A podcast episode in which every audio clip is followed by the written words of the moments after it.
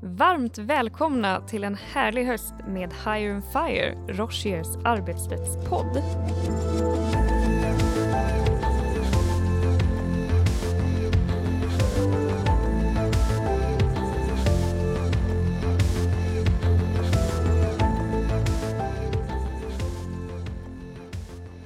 För er som är nya eller har kommit tillbaka så vill vi passa på att berätta kort om podden och om Rochier. Rocher advokatbyrå är en affärsjuridisk fullservicebyrå med kontor i Stockholm och Helsingfors. Vi som spelar in den här podden sitter på Rochers Stockholmskontor på Brunkebergs torg. Och Hire and Fire, för er som inte har lyssnat innan, handlar om arbetsrätt i praktiken. Och den riktar sig främst till dig som kommer i kontakt med arbetsrätt i yrkeslivet, som bolagsjurist eller HR eller personalansvar. Eller också som bara är nyfiken på vad man gör med arbetsrätt på en affärsjuridisk byrå. Och det som vi ska prata om idag, dagens ämne, är arbetsrätt och transaktioner.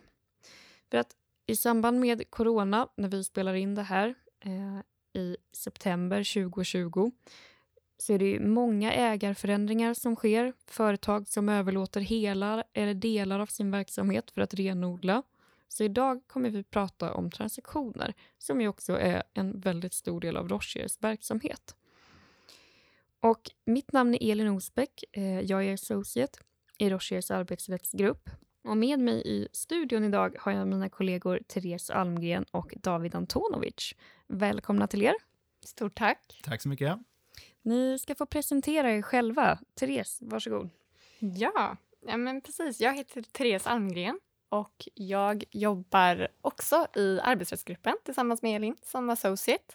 Har varit i gruppen i lite mer än tre år nu och kom till Roche då direkt efter mina studier Eh, på Stockholms universitet. Och utöver det så har jag varit på Rocher i princip hela min studietid med undantag för en liten snabbvisit som notarie på Högsta domstolen. Ja, och eh, mitt namn är David Antonovic och jag arbetar i Rochers verksamhetsgrupp för privata företagsöverlåtelser. Eh, och jag har jobbat med det i tio år nu och anslöt till Rocher 2014. Och innan jag var på Rocher så jobbade jag på en annan, givetvis topprankad affärsjuridisk advokatbyrå i Stockholm och eh, dessförinnan så pluggade jag i Linköping och Stockholm. Eh, jag har en fenomenal fru, två jätteroliga barn som är fyra och ett år gamla, en katt och jag älskar friluftsliv, om det nu är relevant. Nu har jag sagt det. Och jag älskar företagsöverlåtelser. Och mycket bra övergång där David, därför att företagsöverlåtelser är ju dagens ämne. Alltså när vi säger transaktion eller företagsöverlåtelser, vad menar vi då? Kan du berätta mer om det? Absolut. Eh, vi brukar ju väldigt ofta prata om något som kallas för M&A och det är en engelsk förkortning eh, som står för Mergers and Acquisitions som betyder fusioner och förvärv. Och det är det man pratar om när man pratar om företagsöverlåtelser. Så vi brukar här i Sverige säga att om jag jobbar med M&A, då menar man att man jobbar med företagsöverlåtelser. Och företagsöverlåtelser, kort och gott, det är när verksamheter byter ägare. Och kan man göra det här på olika sätt?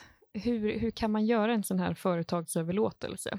Ja, jag är glad att du ställer den frågan. Um, det kan man göra. Det finns olika sätt att göra en företagsöverlåtelse. Det vanligaste är väl att man gör en överlåtelse av aktier. Alltså man byter ägare på aktierna till ett bolag. Och det som kanske då kommer härnäst i, i vanlighetsskalan, det är väl då att man egentligen säljer verksamheten i ett företag. Man brukar kalla det även för inkromsöverlåtelse. Och det innebär, istället för att man säljer aktier, så säljer man alltså allting som, som bolaget äger, eller delar av vad bolaget äger, som i sig då vanligtvis utgör en verksamhet, en affärsverksamhet. Ett exempel skulle kunna vara att eh, KPMG eller PWC som de har gjort säljer sin verksamhet för redovisning medan de behåller övrig verksamhet i sina respektive eh, bolag. Just det, och då tänker jag då är det väl mycket legalt att tänka på när man säljer eller köper ett företag? Ja, det är det givetvis. Och jag, jag, tror att för att vi ska kunna hänga med här i tanken lite grann så kan vi göra en liten analogi som man alltid brukar göra när man jobbar med M&A och det är att man tänker på ett husköp eller ett lägenhetsköp.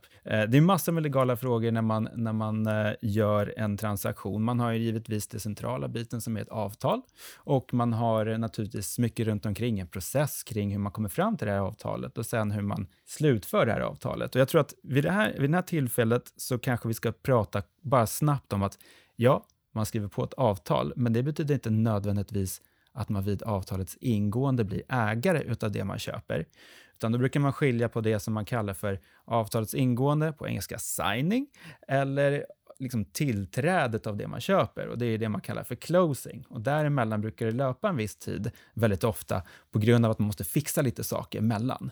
Det kan vara till exempel att man ska få tillstånd från Konkurrensverket eller Finansinspektionen eller annan typ av förhandling som behöver göras för att man som köpare känner att nu får jag ta den här verksamheten och jag kan inkorporera den och, och nu kör vi.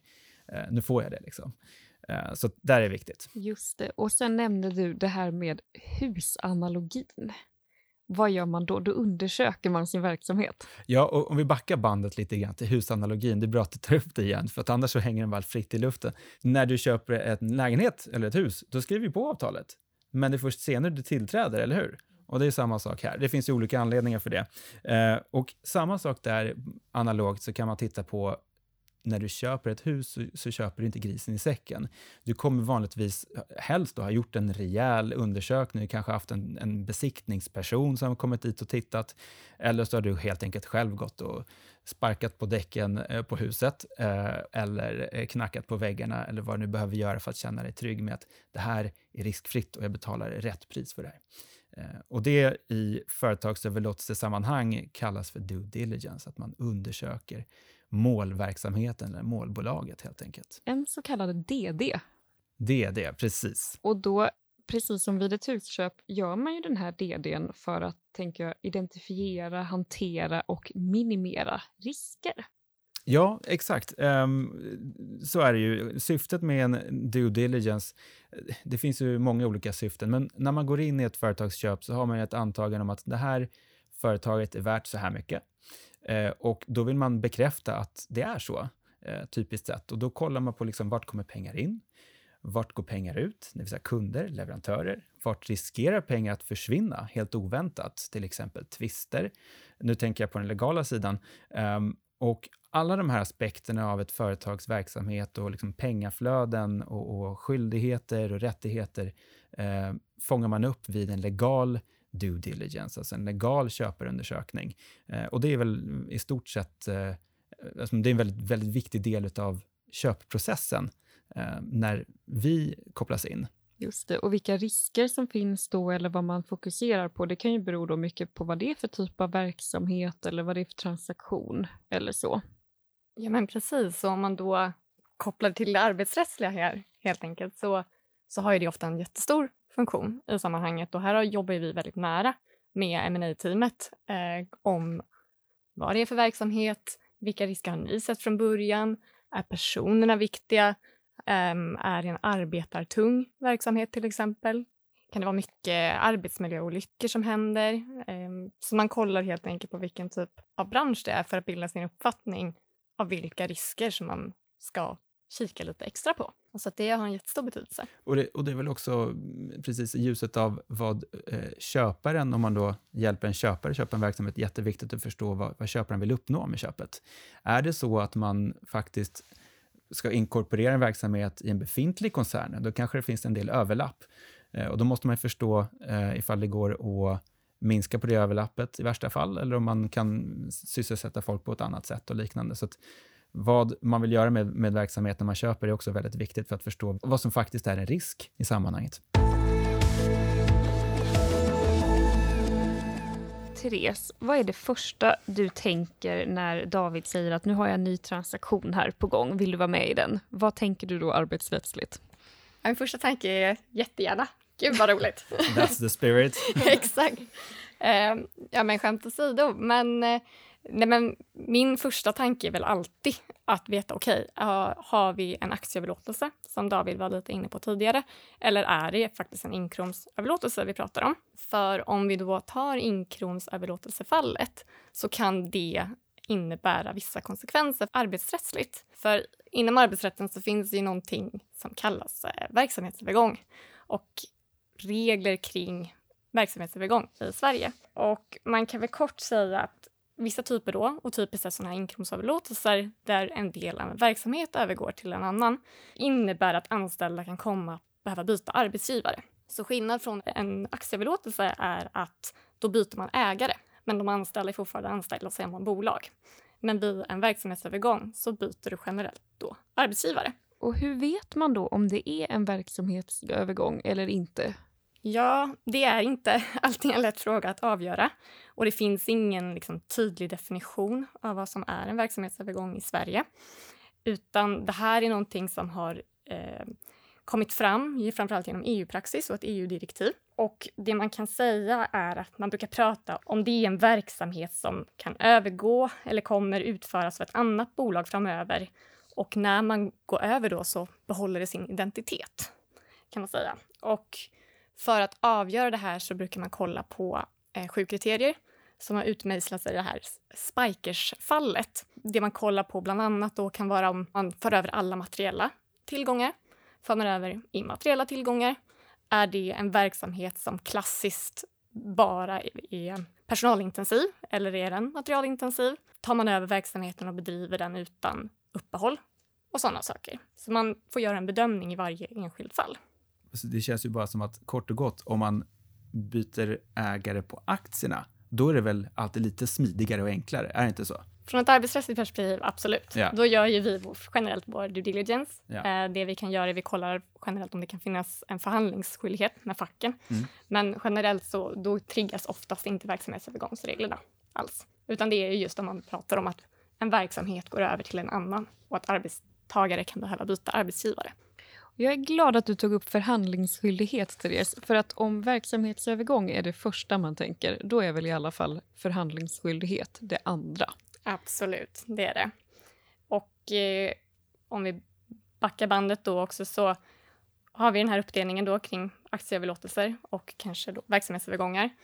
Och generellt kan man säga att aktieöverlåtelser som huvudregel så är det ingenting man behöver förhandla med facket om man har bundna kollektivavtal. Men eh, som vanligt så, så ska man ju förhandla, eller bolag som är bundna av kollektivavtal ska förhandla sak, beslut som är en viktigare förändring av verksamheten enligt eh, medbestämmandelagen. Och man brukar anse, det har i praxis, att man anser att en aktieöverlåtelse typiskt sett inte är en sån här viktigare förändring av verksamheten. Men det kan vara det, till exempel i det överlåtande bolaget då, så kan det ju faktiskt ske en väsentlig förändring i det bolaget genom att man säljer alla sina dotterbolag. Och då brukar man ofta kolla på hur omsättningen förändras i, och påverkas i det överlåtande bolaget. Och dessutom så kan det finnas andra situationer där det kan bli en väsentlig förändring i samband med transaktioner. Till exempel så kan det ju vara som så att om man vill då byta ut ledningsgruppen som vi pratade om tidigare så kanske man vill byta vd. Och vd är ju någonting som enligt praxis är en viktigare förändring av verksamheten som man behöver förhandla. Så det är någonting man behöver ha i beaktande. Och sen även oavsett om det finns kollektivavtal inblandat, om vi då går till verksamhetsövergångssituationen, så kan det alltid finnas en skyldighet att förhandla oavsett om vi representerar en köpare eller säljare. Just det. Och då, som du sa, Therese, så är det ju så att man ska förhandla innan man har fattat beslut som innebär en viktigare förändring av verksamheten. Och då undrar man ju kanske, vad är det för ett beslut? När kommer det beslutet? Vad inträffar? Hur tänker ni där? Vad är det som är det här beslutet? Ja, det är ju alltid en bedömning i varje enskilt fall.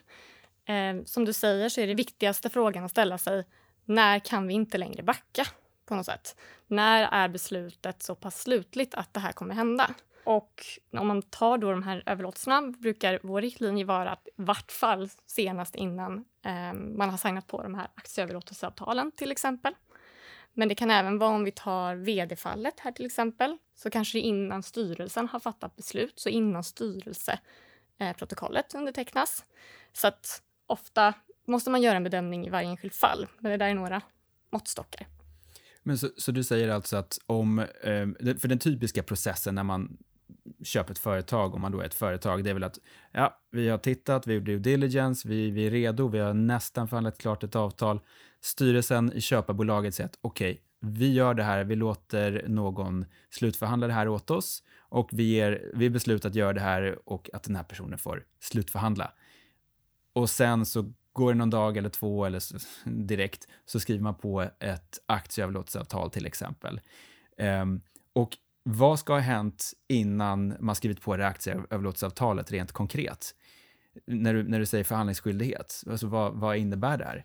Ja, men precis. Det, det som förhandlingsskyldighet innebär är ju då att man ska kontakta de eh, fackförbund och hör av sig till dem om att man vill förhandla de facto om det kommer ske då kanske en väsentlig förändring av verksamheten. Och då kollar man i det bolaget, vilka kollektivavtal har vi?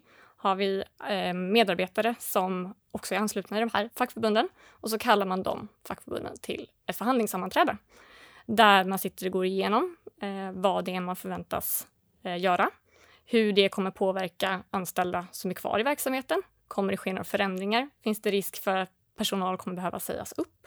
Så man har en diskussion med facket så att de får utöva inflytande helt enkelt i beslutet. Och efter man har haft det här så skriver man ofta under ett eh, förhandlingsprotokoll och när man har det klart så, så är det förhandlat och klart. Just det. Och det låter ju som att det är lite av en process. Det kanske är flera fackförbund som ska vidtalas och förhandlas med. Eh, så att uh, tips till, till mig då uppenbarligen, det är att det här måste jag nog tänka på ganska tidigt. Eh, om det är bråttom med att få det här påskrivet. Vem vet om klienten kanske vill få ut det här i publikt eller att det ska göra en, slås på någon stor trumma. Ja, men precis. Så man brukar väl som en måttstock kanske säga att förhandlingar tar ungefär två till fyra veckor. Eh, mm. beroende på hur snabbt man kan få till en förhandling och hur tillgängliga fackförbunden är. Och om de har några frågor, om det är svåra frågor man ska utbeta, det kan det ibland vara i verksamhetsövergångssituationer, mm. att man ska bena ut eventuella kollektivavtal som går över eller att anställda ska över till ett bolag som inte har kollektivavtal till exempel. Så att under de förhandlingarna så kan ju det ta ganska lång tid, vara ganska mycket som man behöver, behöver bena av helt enkelt. Just det. Allt kan hända när det gäller M&A.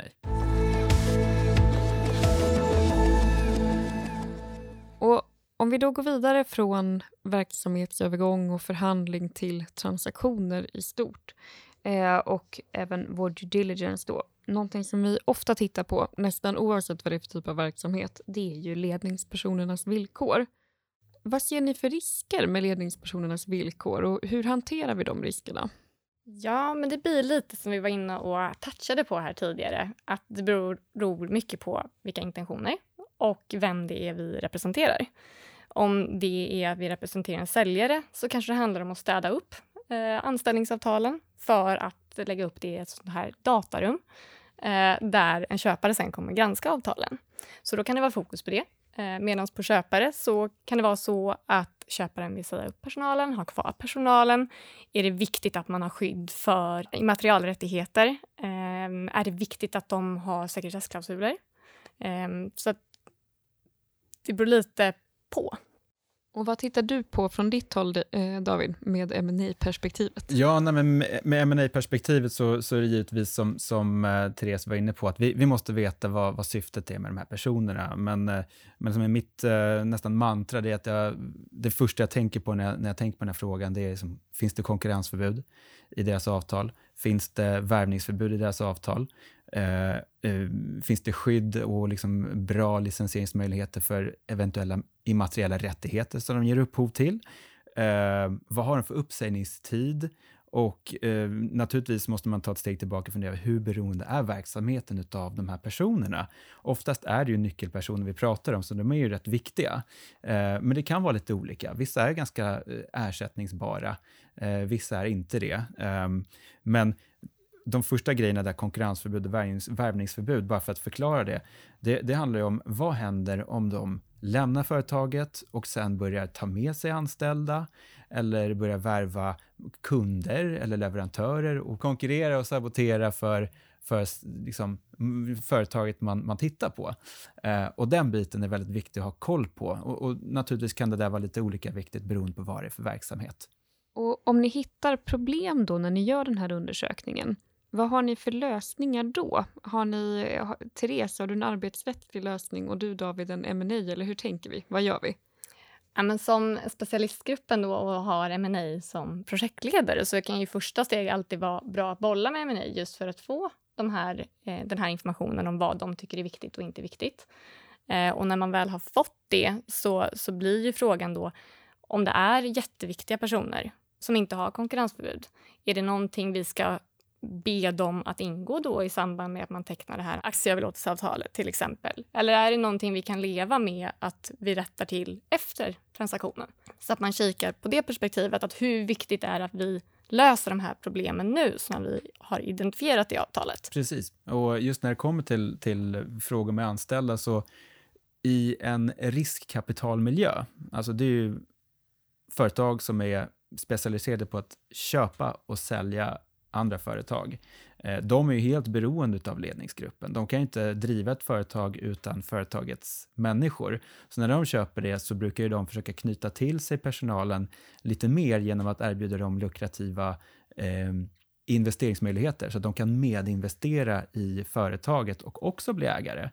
Och i den situationen, då kan man ju kanske också då ställa krav på att de ska snygga till sina anställningsavtal så att de blir mer skyddande för verksamheten och företaget jämfört med vad de varit innan. Eh, I utbyte mot att de får en lukrativ investeringsmöjlighet kan man ju säga. Så det finns lite olika verktyg där. Eh, just med incitamentsprogram som jag precis nämnde så, eh, så är det en bra möjlighet. Mm, och nu pratar vi ändå om anställdas villkor. Någonting som jag tänker att vi ofta tittar på är ju vad det finns för anställningsförmåner. Och de här anställningsförmånerna de kan ju följa av lag eller kollektivavtal eller vara individuellt avtalade i ett anställningsavtal. Och I transaktioner vill vi ju då snabbt förstå vad det finns för, för förmåner i eh, verksamheten. Särskilt vad gäller pension. Ja, men precis. Och pensionsfrågor kan ju för många kännas eh, lite snårigt. Eh, men varför det är så viktigt, i alla fall i ett transaktionsperspektiv, är ju att det ofta kan ha en väldigt stor exponering rent ekonomiskt och att det har väldigt långa preskriptionsfrister. Vad betyder exponering då? Exponering, bra Elin. Eh, exponering innebär att det kan bli en kostnad för bolaget i princip om den här risken realiseras i praktiken. Just det, vilket kopplar tillbaka till det David nämnde tidigare, nämligen att vi vill ju veta om bolaget är värt vad vi tror att det är värt. Och finns det stora dolda kostnader, då är ju bolaget kanske egentligen övervärderat. Precis, och pensioner är ju typiskt en sån sak då inom arbetsrätten som kan ha en väldigt stor påverkan. Och i många transaktioner vi är med så finns det till och med ett dedikerat pensionsteam från den finansiella sidan som också kika på det från ett finansiellt perspektiv. Och det vi brukar kika på då från vårt perspektiv är framförallt det här med tjänstepension. Och liksom kort bakgrund är väl då att i Sverige så har man ju ingen skyldighet att ge anställda tjänstepension. Um, men är du bunden av kollektivavtal så kan det finnas en sån, eller så finns det oftast en sån skyldighet. Så för vår del blir det ju ofta väldigt viktigt att som ett första skede här kolla, har bolaget kollektivavtal eller inte? För att veta hur vi ska gå vidare i vår pensionsgranskning. Och just på det här pensionsområdet så är det inte helt ovanligt att vi hittar legala problem.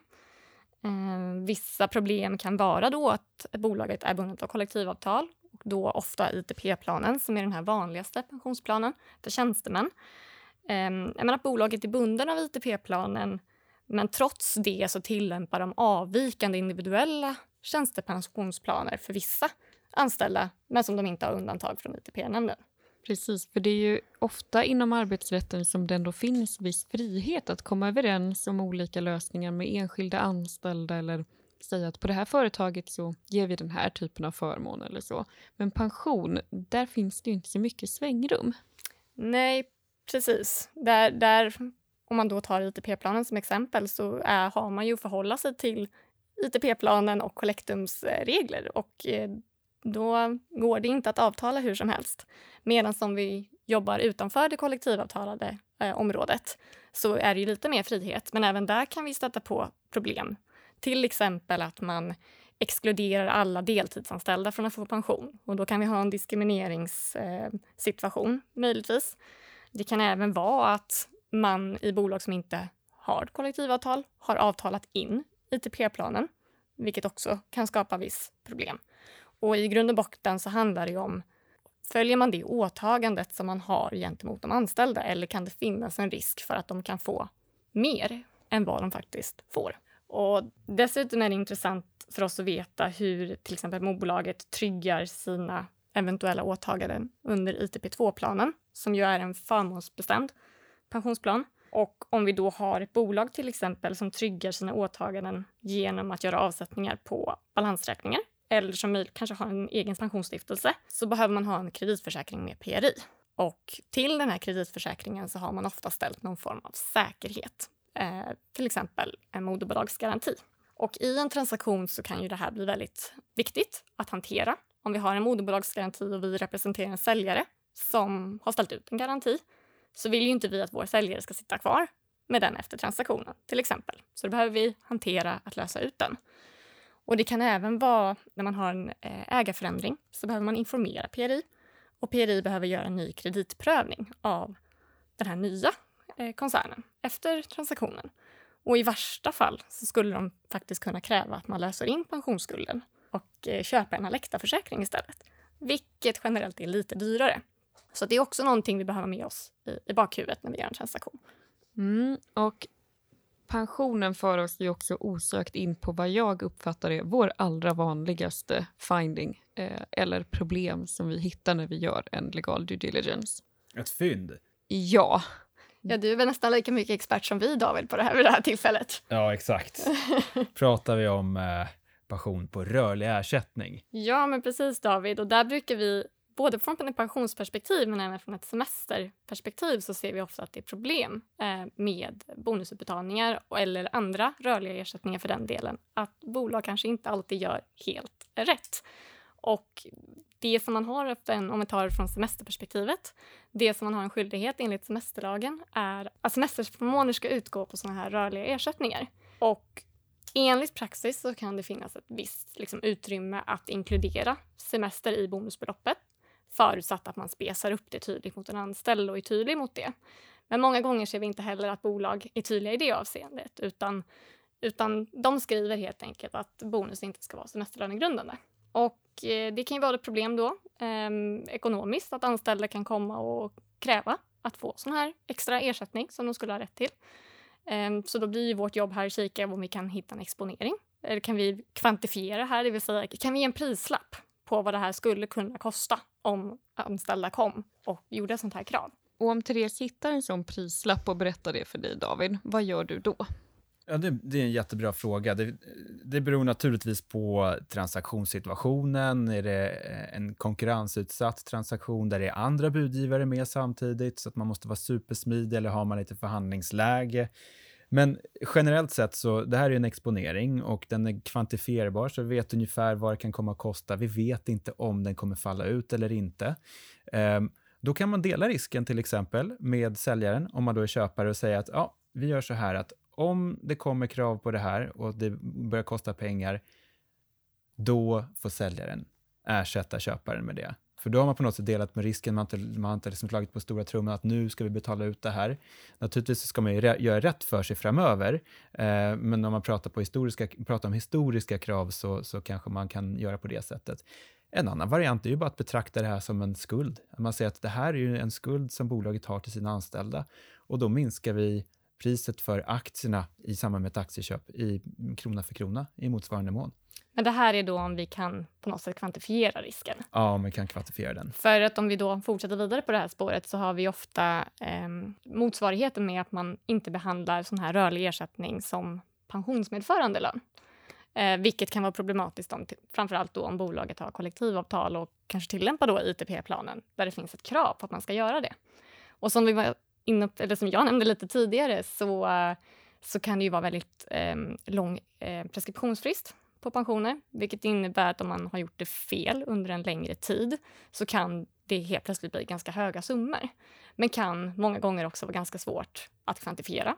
För det kan relatera till tidigare anställda, nuvarande anställda. Det kan relatera till personer som omfattas av ITP2 och därför inte har en, en fast premienivå. Vilket gör att det kan vara svårt att kvantifiera. Hur skulle du säga, David, att vi bäst löser sådana situationer? Ja, kan man inte kvantifiera det särskilt noga så eh, då blir det nog en, en förhandlingsfråga. Alltså, jag tror det är fortfarande de verktygen vi har att göra med, att man får säga att vi kan dela på det här, alltså att om det kommer krav, vi måste betala ut det här, eh, så får ni stå för det upp till ett visst belopp, kan man tänka sig. Alltså att säljaren får, får ta en en viss del av smällen, um, uh, alternativt hela. Det, det beror verkligen på vad man har för förhandlingsläge, så det, det, är lite olika. Ja, och som en liten avrundning då, hur tänker ni de största utmaningar som ni ser vad gäller transaktioner och arbetsrätt? Vad dyker upp då? Men från ett arbetsrättsligt perspektiv skulle jag säga att en svårighet är ju ofta att man vill, man vill rapportera på allt man hittar som kan vara felaktigt. Men, men från ett transaktionsperspektiv så, så får man ha alltid en dialog med, nej, vad är faktiskt en risk här? Vad, vad behöver vi lyfta för vår klient? Um, om det är mindre saker som inte är så problem som, som vi brukar få höra, so what? Mm. Vad, vad blir konsekvensen om det här realiseras? Mm. Blir det en stor kostnad eller inte? Eller det, kan det skada ens rykte, till exempel? Sådana saker kan vara svårt från en arbetsrättare som generellt vill att allting ska se prima ut. Mm, ja, men så är det. Man vet hur lagen ser ut, man vet hur det ska se ut och så gör det inte det. Och då måste alltid vi från eh, transaktionsgruppen, alltså från gruppen med företagsöverlåtelse, fundera, okay, bryr sig klienten om det här? Kommer, kommer den som köper det här bolaget att bry sig om det om det inte kostar någonting. Det kanske går att fixa. Ja, men då fixar vi det. Och om det går att fixa så behöver man inte ens ta upp det som ett problem i en rapport till exempel. Då behöver man inte skrämma upp någon som, som kanske inte förstår det här lika bra som vi gör. Um, så så det, det är definitivt en, en balansgång där också. Uh, och, och, kräver att man förstår transaktionen, förstår varför klienten gör det här och vad klienten vill göra med, med företaget och eventuellt med anställda framöver. Så det, det är alltid roligt att bara komma tillbaka och bara, so what? och både som en avslutning men också ett medskick till våra lyssnare. Vad tycker ni är det viktigaste att bolagen tar med sig och tänker på inför en eventuell transaktion, antingen som köpare eller säljare? Vad tänker ni då? Men det är ju mycket som, jag vet att David har pratat om det tidigare här, att verkligen förstå intentionerna hos vår klient och vad är det de vill uppnå med de anställda. Det gör att vårt arbete blir mycket bättre och att klienten får en bättre slutprodukt. Eh, men också som, som arbetsrättare så skulle jag vilja skicka ett medskick att ha förhandlingsskyldigheten i bakhuvudet. Kan det finnas en förhandlingsskyldighet med det ni planerar att göra? Um, och även att ställa sig frågan om det här skulle kunna vara en verksamhetsövergång och kan det trigga det här skyddsnätverket som då kan triggas för de anställda. Ja, eh, jag håller givetvis med dig Therese eftersom ja, du delvis eh, antydde kring eh, vad jag sa tidigare. Men en annan grej som jag tycker också är viktig att lägga till eh, när man är inne i en transaktion, det är framförallt då för, för eh, den som är på köp och säljarsidan att verkligen värna om relationerna med de som är inblandade i transaktionen. Och det är inte bara eh, de på ens egen sida, utan även se till, till hur det är på eh, den andra sidan förhandlingsbordet för att skapa en bra win-win situation och eh, värde för alla, eh, istället för att gräva ner sig i någon form av eh, vall, eller vad heter det, skyttegravar, inte vallgravar. För då, då brukar det typiskt sett bli lite trist. Så goda relationer helt enkelt, värna om dem. Det tycker jag. Med de orden så är det dags för oss på Higher and Fire att säga hej då för den här gången. Men om ni har frågor eller behöver komma i kontakt med oss så hittar ni våra namn och kontaktuppgifter på roschier.com. Och tack så jättemycket till David Antonovic och Therese Almgren som var med mig i studion idag. Mm, tack själv. Tack för, för nöjet att få vara med.